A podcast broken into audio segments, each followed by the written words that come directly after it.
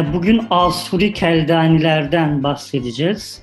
E, tek başına Asuri ya da Keldani demiyorum. E, kendilerini Asuri Keldani olarak ifade ettikleri için. Şimdi Asuri Keldani iki ayrı terim ve aslında antik dünyada yaşayan Asuriler ya da Aramiler ya da Keldaniler ile bugünkü cemaatlerin ya da toplumların tanımlanması konusunda uzmanların kavgaları sürüyor. Yani birçok farklı kesim farklı şekilde isimlendirilmeyi tercih ediyor. Ama e, ben e, Fransa'ya göçü özellikle çalıştığım için ve onlar ve Fransa devleti onları Asuri Keldani olarak tanımladıkları için her zaman bu şekilde kullanıyorum. Şimdi slayta geçiyorum ve oradan anlatacağım. Şunu da büyüteyim.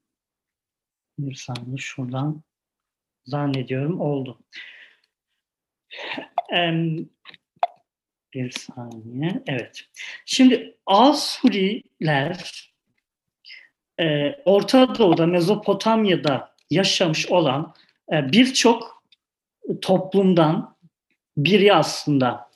E, iç içe yaşayan e, Aramiler, e, aynı Aramice'nin farklı diyaleklerini kullanan toplumlar bir arada yaşıyordu ve dediğim gibi e, isimlendirilmeleri konusunda e, bilim adamları yani tarihçiler e, hem fikir değiller. E, Kalde yani Keldani'nin geldiği e, köken olan Kalde aslında bir bölge. E, yerleşimin olduğu bir bölgeydi. Burada da işaretli gördüğünüz gibi haritalardan. Ancak e, bugün e, yaşayan Asuriler ve Aramiler e, e, Keldani e, ünvanını da eğer ekliyorlarsa kendi tanımlamalarına demek oluyor ki 16. yüzyılda Katolikleşen, Katolik kilisesine bağlanan e, Asurilerden veya Nasturilerden veya yani aynı Katolik olmayanlardan bahsediyoruz ki 16. yüzyılda Katolik oldular. Şimdi e, Keldani Kilisesi'nin anlatısına göre ne zaman ki e, Papa 3. Julius'a 1553'te Yuhanna Sulaka isimli din adama gidiyor. Bir protesto ile gidiyor ona. Diyor ki ben ayrılıyorum yani e, papalığın gücünü yanıma almak istiyorum ve beni bu cemaatin başı olarak tanı. Papa da diyor ki hay hay gel Katolik inancını kabul et. E, ben e, seni patrik olarak tanıyacağım. Ve e, Keldani ünvanını Papa veriyor. Bu e, kendisine gelen Yuhanna Sulaka'yı takip edenlere. Dolayısıyla Asuri Keldani dediğimizde Asuri bir e, aslında etnik köken oluyor. Keldani ise e, mezhep yani Katolikliğe bağlanmış kolu olduğunu tanımlamış oluyoruz Keldani'yi ekleyerek. Şimdi 24 e, Nisan haftasındayız. Ee, bu fırsattan istifade ben e, bir Seyfo uzmanı değilim. Ancak Seyfo'dan bahsetmemiz yani değinmem gerektiğini düşündüm ve bibliografi üzerinden kısa bir sunum hazırladım. Şimdi Keldaniler e, Seyfo'dan sonra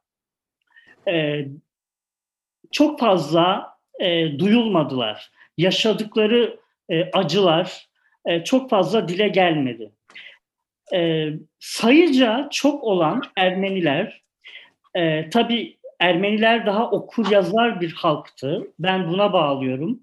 E, okur yazarlık oranı yüksekti ve en küçük bir yerleşim yerinde dahi e, nerede bir kilise kurdularsa tek bir sınıflık da olsa bir okul yaptılar ve Ermenilerin okur yazarlığı çok yüksekti. Aslında bu hafızanın canlı tutulması ve e, 1915 e, anlatılarının e, günümüze ulaş, ya birinci e, ağızdan e, görgü tanıklarının e, anlatılarının günümüze ulaşması açısından çok önemli. Şimdi okur yazar Ermeniler e, Lübnan'a vardıklarında, Marsilya'ya vardıklarında, Beyrut'a vardıklarında, Arjantin'e vardıklarında e, kendileri hemen her şeyi kaleme alabildiler. Ancak e, Asuri Keldaniler ya da e, Pontuslular diyelim ya da diğer gruplar e, e, çok fazla kendileri kaleme almadılar. Keldanilerin, Asuri Keldanilerin hikayelerini bugün daha çok o bölgede görev yapmış olan, o köyleri, o yerleşim yerlerini ziyaret etmiş olan e, Fransız Katolik e, keşişlerin e, tanıklıklarından okuyoruz. Şimdi bugün eğer e, birinci ağızdan yani görgü tanıklıklarını okumak isterseniz Seyfo hakkında özellikle Asuri Keldaniler hakkında e, yazanları okumak isterseniz e, Fransız Dominikenlerin yazdıklarına, arşivlerine bakmanız lazım. Solda Jacques Retore'nin kitabını görüyoruz. E, o da hem Hakkari'de, Şırnak'ta bulunmuş ama Musul'da ikamet eden bir Dominiken keşişiydi. Ve o yazdı hem Ermenileri ama e, yazdıklarında Asur Keldanilere de çok değindi. Sağ tarafta üç Dominiken pederin tanıklığından oluşan bir kitap. E, Dominik Berre, Yasen Simon, Jacques Retore diye. Biz cehennemi gördük diyor. Bu da e, Türkiye yani Türkiye topraklarındaki Asuri Keldanilerin 1915'te yaşadıklarını hem kendi tanıklıklarını hem yaptıkları görüşmeler neticesinde e, yazdıklarını görüyoruz. Bu az önce bahsettiğim Yasent Simon'un kitaplarından biri Türkçe'ye çevrildi. Peri yayınları basmıştı. 1915 bir papazın günlüğü Yasent Simon, bir Dominiken peder. Bugün artık bunun baskısı bulunamıyor ne yazık ki. Bu papazların el yaz, yazmalarına ben yani e, ulaştım Paris'te. Solşuar Kütüphanesi denilen bir kütüphane var. Bütün araştırmacılara açık. Oradaki Musul klasörüne ulaşmak isterse araştırmacılar bu papazların el yazmalarına ulaşabilir. İşte bu el yazmasının tamamı hem bu kitabın içinde var hem de şu sağda gördüğünüz e, üç Dominike'nin anılarında var. Dolayısıyla bunlar birinci e, birincil kaynak, birincil görgü tanıklarının e, Seyfo'da özellikle Asuri Keldanilerin e, yaşadıklarına dair. Kartal yuvası Mardin'de beklenmedik felaket diyor. Peder Yasen Simon Mardin'in papazıydı. Devam edelim. Bunlar iki başka papaz. Bunlar da e, Asuri Keldaniler arasında yaşayan Fransız Katolik din adamları. Bunlar da bir, e, kendi görgü tanıklıklarını yazıyor. Joseph Naem ve Eugène Grisel isimli iki Fransız papaz. Şimdi e, ne dedim? E, kendileri tarımsal bölgeden gittiler ve okuma yazma oranları düşüktü ve 1915'ten sonraki tanıklıklarını kendileri kaleme alamadılar. E, gelelim başka bir birincil kaynağı, ma, meşhur Mali kitap, Arnold Toynbee'nin yazdığı. Şimdi bu e, başlıkta Ermeniler yazıyor. E, ama e, ve tabii bu çok meşhur bir kitap. Yani e, 1915 ile ilgili. 684 ee, sayfa İngilizce orijinali kitabın. 104 sayfası sadece yani 104 sayfası olduğu gibi Asuri Keldanilere e, adanmış. E, 1916'da Londra'da basılıyor bu kitap. Dolayısıyla e, hemen sıcağı sıcağına olan olayları görgü tanıklıklarından e, derlenmiş halini burada görebilirsiniz. Şimdi sağ tarafta aynı kitabın e, Türkçesini, yani Türkçesi var, Türkçe çevrildi bu kitap. 2009 yılında Londra'da Gomidas Enstitüsü bastı bunu ve Türkiye'deki bütün milletvekillerine gönderdiler bunu. Yüzde 95'i yüzde 95'i burada bu konuda tartışmalı yüzde 95'i bu e, milletvekillerinin e, geri gönderdi. E, kabul etmediler bu kitabı. Ve modern araştırmacılardan da Fransa'da yaşayan Joseph Yakup ve Claire Yakup bunlar karı kocadır. Günümüzde de Asur Keldanilerin 1915'te yaşadıklarını onlar en çok kaleme aldılar. Ee, bunlara bakılabilir. Bazı kitapları Türkçe'ye de çevrildi. Ee, ne oldu? Asur Keldanilerin başına ne geldi 1915'te? 250 ee, bin ile 275 bin arasında Asuri Keldani'nin e, öldürüldüğünü e, biliyoruz. burada referansları yazdım. Çok fazla e, artık referans okumayacağım size. toplam nüfusun üçte ikisi e, dünya üzerindeki Asur keldenlerin üçte ikisi 1915'te ölüyor. E, şimdi ne oluyor 1915'ten sonra Türkiye'deki keldanilere?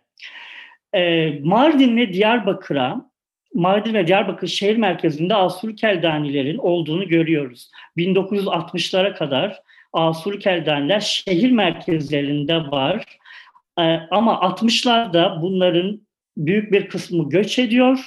Hem yurt dışına göçler var hem de İstanbul'a göçler var. İstanbul'a gelenler e, e, varlıklı bir şekilde geliyorlar. 60'larda gelenler.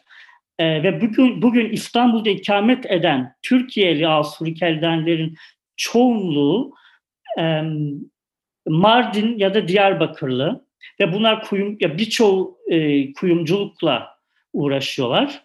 Bunun haricinde e, Hakkari Şırnak'ın tabii 1990'dan sonra Şırnak il oldu. E, şu anda bu Şırnak sınırlarını görüyoruz. Burası Şırnak e, haritada ve üstünde de Siirt'i görüyoruz.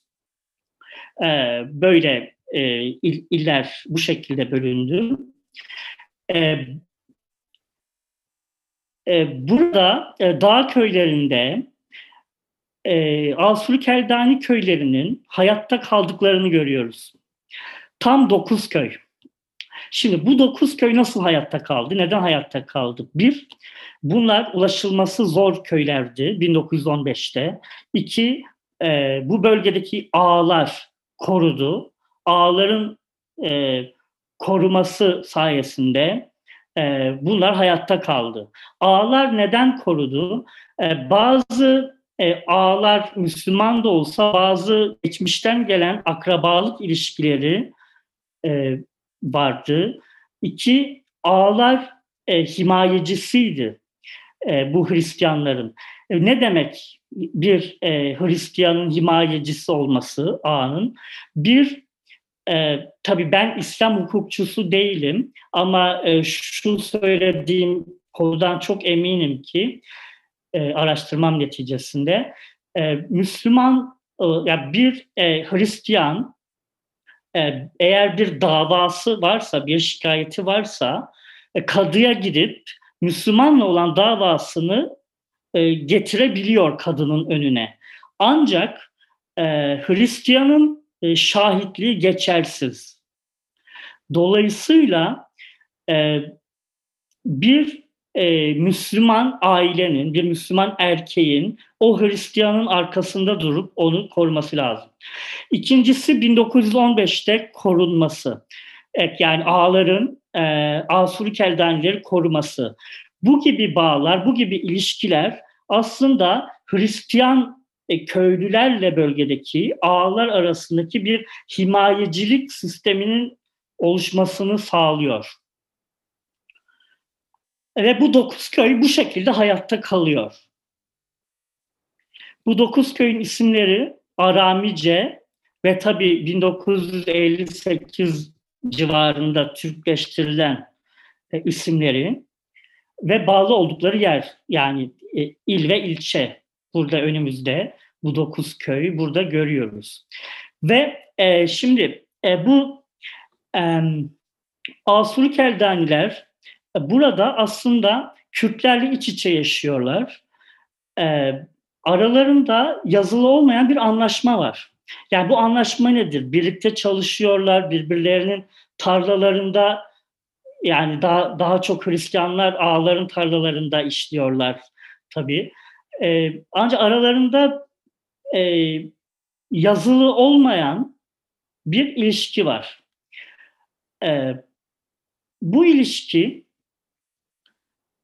e, hem birbirlerine dokunmama üzerine kurulu hem e, e, birbirlerinin alanına girmeme üzerine kurulu. Bu ne demek? Bir Hristiyanın e, hayvanları olabilir, büyük tarlalar işleyebilir ve bu ağanın prestijidir aslında. Aynı şekilde e, ağa ne kadar güçlüyse ağanın altındaki Hristiyan aile de o kadar güçlüdür. Bir başka ağa o Hristiyan aileye gelip zulmedemez gibi. Ancak bu yazılı olmayan anlaşmanın 1970'lerde zarara uğradığını görüyoruz. Ee, bazı tetikleyici olaylar oluyor ve bu tetikleyici olayların aslında en göz önünde olanı 1978 yılındaki bir kız kaçırma davası. Feride isimli bir kız kaçırılıyor İşşi köyünden ve bu İşşi köyündeki e, Hristiyanların e, hem papazı hem muhtar diğer papazlar ve muhtarlarla bir araya gelip bu duruma baş kaldırıyorlar. Çünkü bu e, ilk e, Hristiyan kızının kaçırılması. Daha önce de bazı olaylar olmuş ancak kaçan kız e, razı olduğunu belirtmiş ve e, evlenmiş, adını değiştirmiş ve e, Hristiyan kızının kaçırılması tabii bu e, bölgedeki bazı Müslüman aileler tarafından bir e, çok büyük ve e, mutluluk verici bir olay. Çünkü kız Müslüman yapıldıktan sonra ondan doğan çocuklar da Müslüman oluyorlar.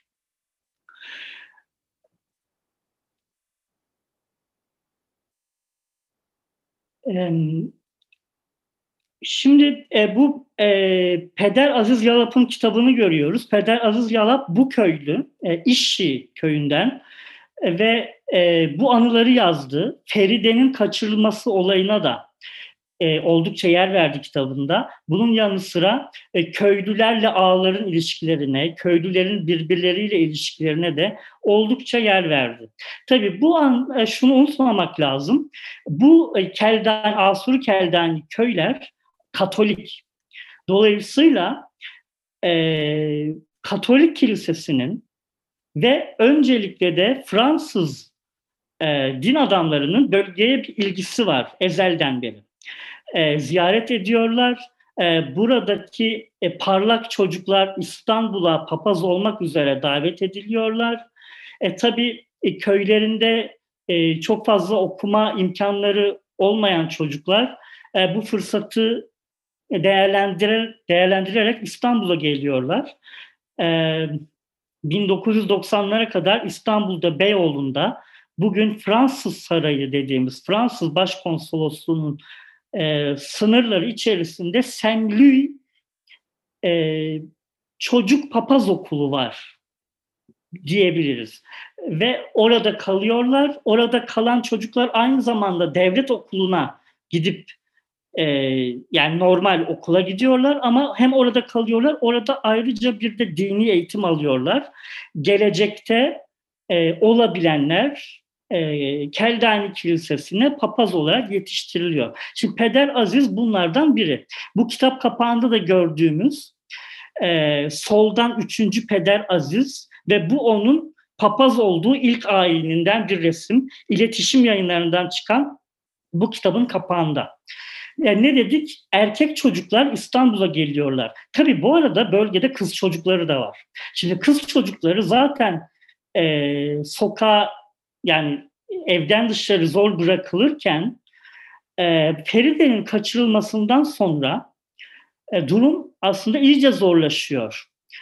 E, Fransız rahibeler o sırada Bebek'te Fransız yetimhanesi denilen bir e, binaya sahipler ve Güneydoğu'da okuyamayan kız çocuklarını da onlar kabul ediyorlar. E, bu arada atladım az önce. E, bu Beyoğlu'ndaki erkek çocukların kalıp papaz olmaya hazırlandığı Saint Louis Çocuk Papaz Okulu da e, Fransız pederler tarafından e, idare ediliyor. Şimdi Peder Aziz'in kitabını eğer bulursanız orada da e, oldukça yazıyor bu. Peder Aziz Yalap bu. E, görüyoruz. Bugün Fransa'daki Asuri Keldani cemaati arasında çok meşhur ve çok sevilen bir din adamı. Ne oluyor? Feride kaçırıldıktan sonra e, dedim ki e, muhtarlar ve din adamları toplanarak e, önce İstanbul'a geliyorlar. Buradaki din adamlarıyla görüşüyorlar. Sonra Ankara'ya gidiyorlar. Vatikan Büyükelçisiyle görüşüyorlar. Defalarca e, jandarmaya başvuruyorlar. Hiç sonuç alamıyorlar.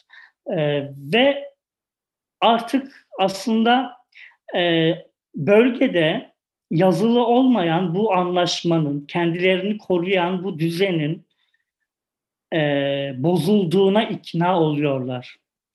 Tam o sırada aynı yıl 1978 yılında e, Bazyan köylü üç erkek e, Şırnak merkezine ya da o, o dönemde Hakkari merkezine gidiyor ve e, nüfus müdürlüğünde bazı işler halletmeleri gerekiyor.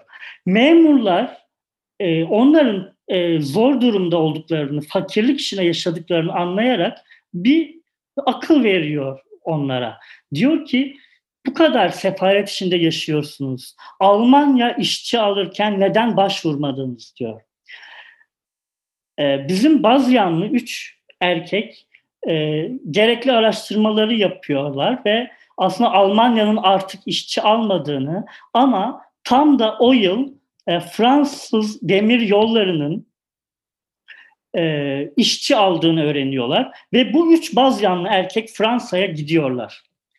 Bunu, bundan sonra e, artık evet başka bir dünya mümkün ve biz e, buradan çıkıp Fransa'ya gidebiliriz düşüncesine sahip olan e, Asuru Keldaniler çeşitli yollarla e, Fransa'ya ulaşıp orada iltica başvurusunda bulunmanın yollarını öğreniyorlar. E, oraya varan aslında bu Bazyanlı üç erkek haricinde onlar istisna olarak görüyorum ben. Sonra bölgeye varan Asuri Keldaniler e, yaklaşık olarak bu dokuz köy boşalıyor. İstanbul üzerinden e, bazı aileler Mersin'de bir süre konaklayıp çalışıp para biriktirip e, Fransa'ya gidiyorlar ve bazı aileler İstanbul'da yıllarca ikamet edip para kazanıp e, Fransa'ya gidiyorlar. E tabii bu Fransa aslında birinci destinasyon, ikinci destinasyon Belçika. Burada görmek istediğimiz şey aslında yani şunu görelim, e, Katolik bir ülke olduğu için ve üzerlerinde aslında her zaman Fransız kilisesinin e, ekonomik yardımını gördükleri için de Fransa'yı tercih ediyorlar. 4 e, 9 e, köy boşalınca 4000 ila 4500 kişi arasında e, köylünün Türkiye'den çıktığını, büyük çoğunluğunun Fransa'ya çok daha küçük bir miktarının Belçika'ya yerleştiğini görüyoruz. Tabii e, bazı topluluklar da var Almanya'ya giden, İsveç'e giden ama bizim Katolik olan Asuri Keldanilerimiz öncelikle Fransa'ya gidiyor. Bugün e, Fransa'da 20 bin civarı Türkiye'li Asuri Keldani var. Ve bu Türkiye'li Asuri Keldanilerin e, ya birinci nesil, göç eden birinci nesil hala hayatta. E, Türkçe bilen oldukça büyük bir kalabalık var. e, Türkçeyi ikinci ya da üçüncü dil olarak da konuşabilirler. Çünkü birinci dil yani e, Doğu Aramicesi dediğimiz suret dilinde konuşuyorlar. Ana dilleri bu.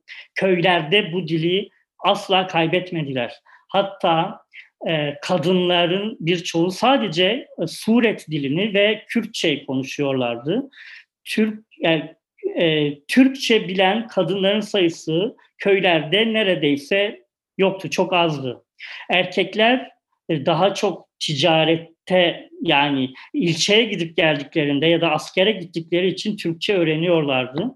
Ama dillerini asla kaybetmediler. E, 20 bin kişi dedik Fransa'da var ve e, bugün 10 bin kişi de Belçika'da.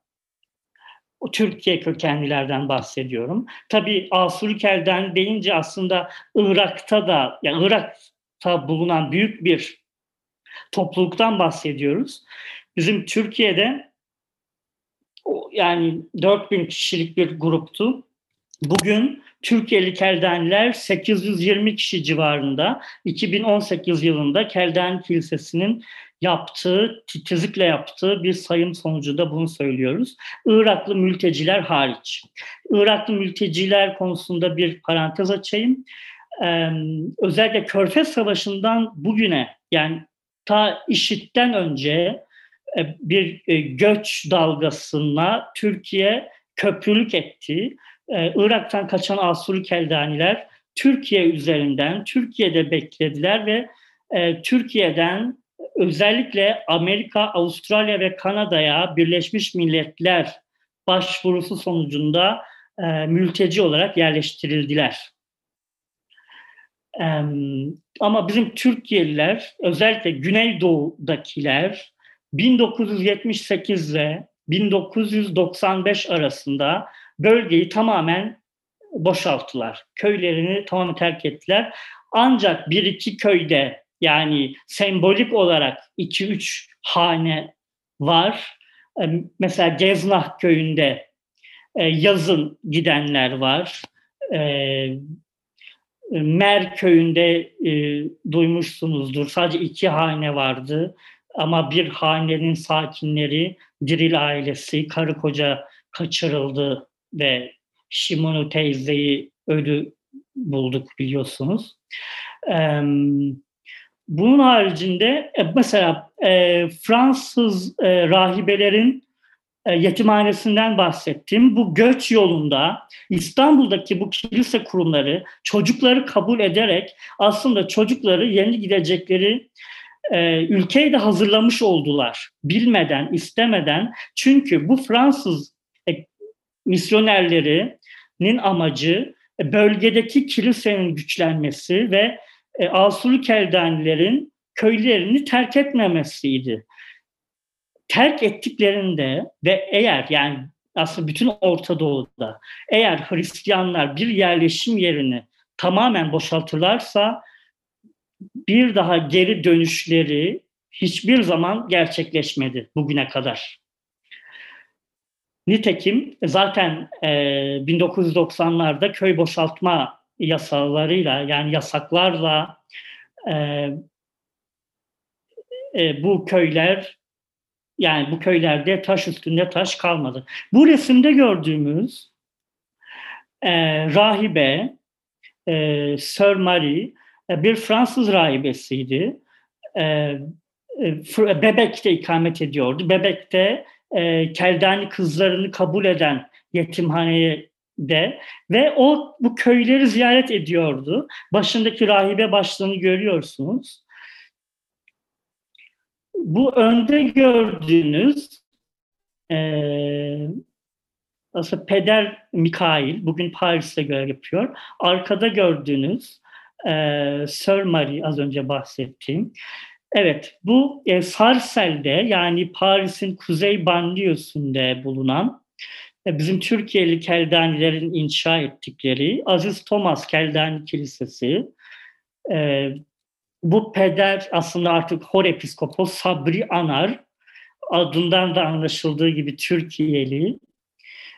E, Türkçesi mükemmeldir. E, bu e, 2018 yılında açtıkları e, ikinci kilise, bu da Paris'in kuzeyinde, Paris oldukça yakın, Arnouville'de bulunan e, Saint Jean Kilisesi, Aziz Yuhanna Kilisesi, bizim Türkiye'li Keldanilerin inşa ettikleri. Bu Paris'in merkezindeki kiliseleri, 18. bölgede bulunan e, e, kiliseleri, bu sen az önce dışını gördüğümüz 2018'de yapılan kilisenin içi ve bu Brüksel birçoğu Türkiye'den gitmiş olan sayıları 10 bin civarı olan Brüksel'de yaşayan Türkiye kökenli Asuri Keldaniler. Bu da e, onların pederleri Musa yaramış. Adından da anlaşıldığı gibi o da Türkiye'li. E, bu arada tabii Fransa'ya bunlar gidince neyle karşılaştılar? Ya da Avrupa'ya gidince neyle karşılaştılar? E, doğulu olmak ve e, Katolik olmak ve aslında bir yani e, bir Doğu Kilisesi'ne mensup olmak konusunu Fransız otoritelerine anlatmakta başta zorlansalar da e, daha sonra Fransız hükümeti onların iltica taleplerini e, kolaylıkla kabul etti ve e, orada e, dernekler kurdular, e, dergiler çıkardılar, radyo yayınları yaptılar. Mesela bu e, 1915'ten sonra Irak'taki Bakuba göçmen kampında bulunan bir anıt idi. E, 2016 yılında IŞİD bölgeye girdiğinde bu anıtı yıktılar. Ama e, Sarsel Belediyesi, o zamanki belediye başkanı François Pupponi, e, Keldanilerin hafızalarına, hafıza mekanlarına çok sahip çıkan bir politikacıydı. Ve o Bakuba anıtının aynısını Sarsel'e diktiler. Yani Paris'e trenle 20 dakikada ulaşabildiğiniz bir yer burası. E, bu gördüğünüz e, Place de Martir Asirokaldeyen Asuri Keldani Şehitler Meydanı diyebiliriz Türkçesine. Aynı şekilde burada görüyoruz ki François Pupponi e, hem Sarsel Belediye Başkanı ve milletvekili e, diyor ki bu Saint Thomas Kilisesi'nin e, hem e, dış düzenlemesini yaptım diyor. Hem de işte kilise papazı ile beraber, Sabri Anar'la beraber bu anıtı diktik diyor. Sarsel'de başka ne görüyoruz? Aslında e, Sarsel'de, Arnouville'de, Paris'in kuzey banyolarındaki Türkiye'li keldanilerimiz hep oralarda iç içe yaşıyorlar. E, burada, burada Ermeni anıtlarının olduğu yere Asuri Kelden anıtlarını da diktiler. Neden yan yana dikildi bu anıtlar? Ee, çok pratik bir sebepten dolayı aslında politikacılar 24 Nisan anmalarına yani gittiklerinde e, bütün anıtlara aynı anda e, çelenk koyabilsinler diye anma törenlerindeki pratiklik nedeniyle e, Asur Keldaniler ki Ermenilerden 70 sene sonra Fransa'ya vardılar. Anıtları, e, anma mekanları diyelim, hafıza mekanları Ermenilerinkiyle iç içe oldu. Şimdi Ermeniler aslında başka konularda da Asuri Keldanilere hangi konuda örnek oldular? Hafızanın yeniden inşası, e, cemaat, diasporadaki cemaat kültürünün e, yeniden inşası konusunda Ermeniler Asuri Keldanilere e, yol gösterici oldular. Örneğin ilk e, Keldanice yayın, e, Suret dilinde ilk radyo yayını e, Ermeni radyosu Ayp FM'de yapıldı. Ya da şu anda e, yapımı sürmekte olan e, mesela bir okul projesinde e, yönetim kurulu ya da yani yönetim heyeti, öğretmenler heyeti e, e, Hrant Dink okulunun kurucularından feyiz alıyorlar ya da e, yol onların rehberliğini e, izliyorlar diyebiliriz. ya da 24 Nisan anmalarında Asuri Keldaniler hep Ermenilerin içinde oldular ve onların düzenledikleri organizasyonlarda ilk başta söz alıyorlardı. Bugün bu durum değişti. Ee, iki büyük Asuri Keldani Derneği var Fransa'da. Ee, Türkiye kökenlilerin oluşturduğu. Onlar oldukça güçlüler ve onların da belediye başkan yardımcıları var. Ee, yerel politikada oldukça söz sahibiler. Artık Ermenilerin tek başlarına bir şeyi organize etmelerine ihtiyaç duymuyorlar. Kendileri de artık oldukça fazla şeyler organize edebiliyorlar. Mesela bu Arnavutl'deki kilisenin tam karşısındaki e, 1915 anıtı, burada 250 bin kişi yazıyor. 1915'te işte öldürülen Asuri Keldaniler için diyor. E, bu da bir başka hafıza mekanı Paris'in kuzeyinde. Bu da Sarsel'de e, Jardin Asiro Kaldeyen yani Asuri Keldani bahçesi kurdu. Bu bahsettiğim yerel politikacı François Piconi. E, şimdi e, aslında bir parkı ikiye böldüler. O parkta e, hem Ermeni bahçesi denilen bir kısım var. Hem de Asuri Keldani denilen kısım var. Orada e, önemli kişilerin, e, yazarların, entelektüellerin, din adamlarının büstleri var, e, anı taşları var ve e, anmaların yapılabileceği aslında çok amaçlı bir e, büyük bir salon var. Hem konuşmaların yapıldığı hem kokteyllerin yapıldığı. Bu da aynı yerel belediye başkanı François Pipon tarafından yapıldı. Son olarak bu benim son slaytım. E, Şimuni teyze ve Hürmüz amca e, Mer köyünden e, kaçırıldılar biliyorsunuz ve Şimoni teyzenin ölü bedeni bulundu. E, Hürmüz amca ise hala kayıp. E, onları da anmak istedim. Benim şimdi söyleyeceklerim bu kadar. Güncel siyaset, kültür, işçi, kadın, çevre, göçmen ve LGBT artı haberleri ve Marksist teori için Marksist.org'u takip edin.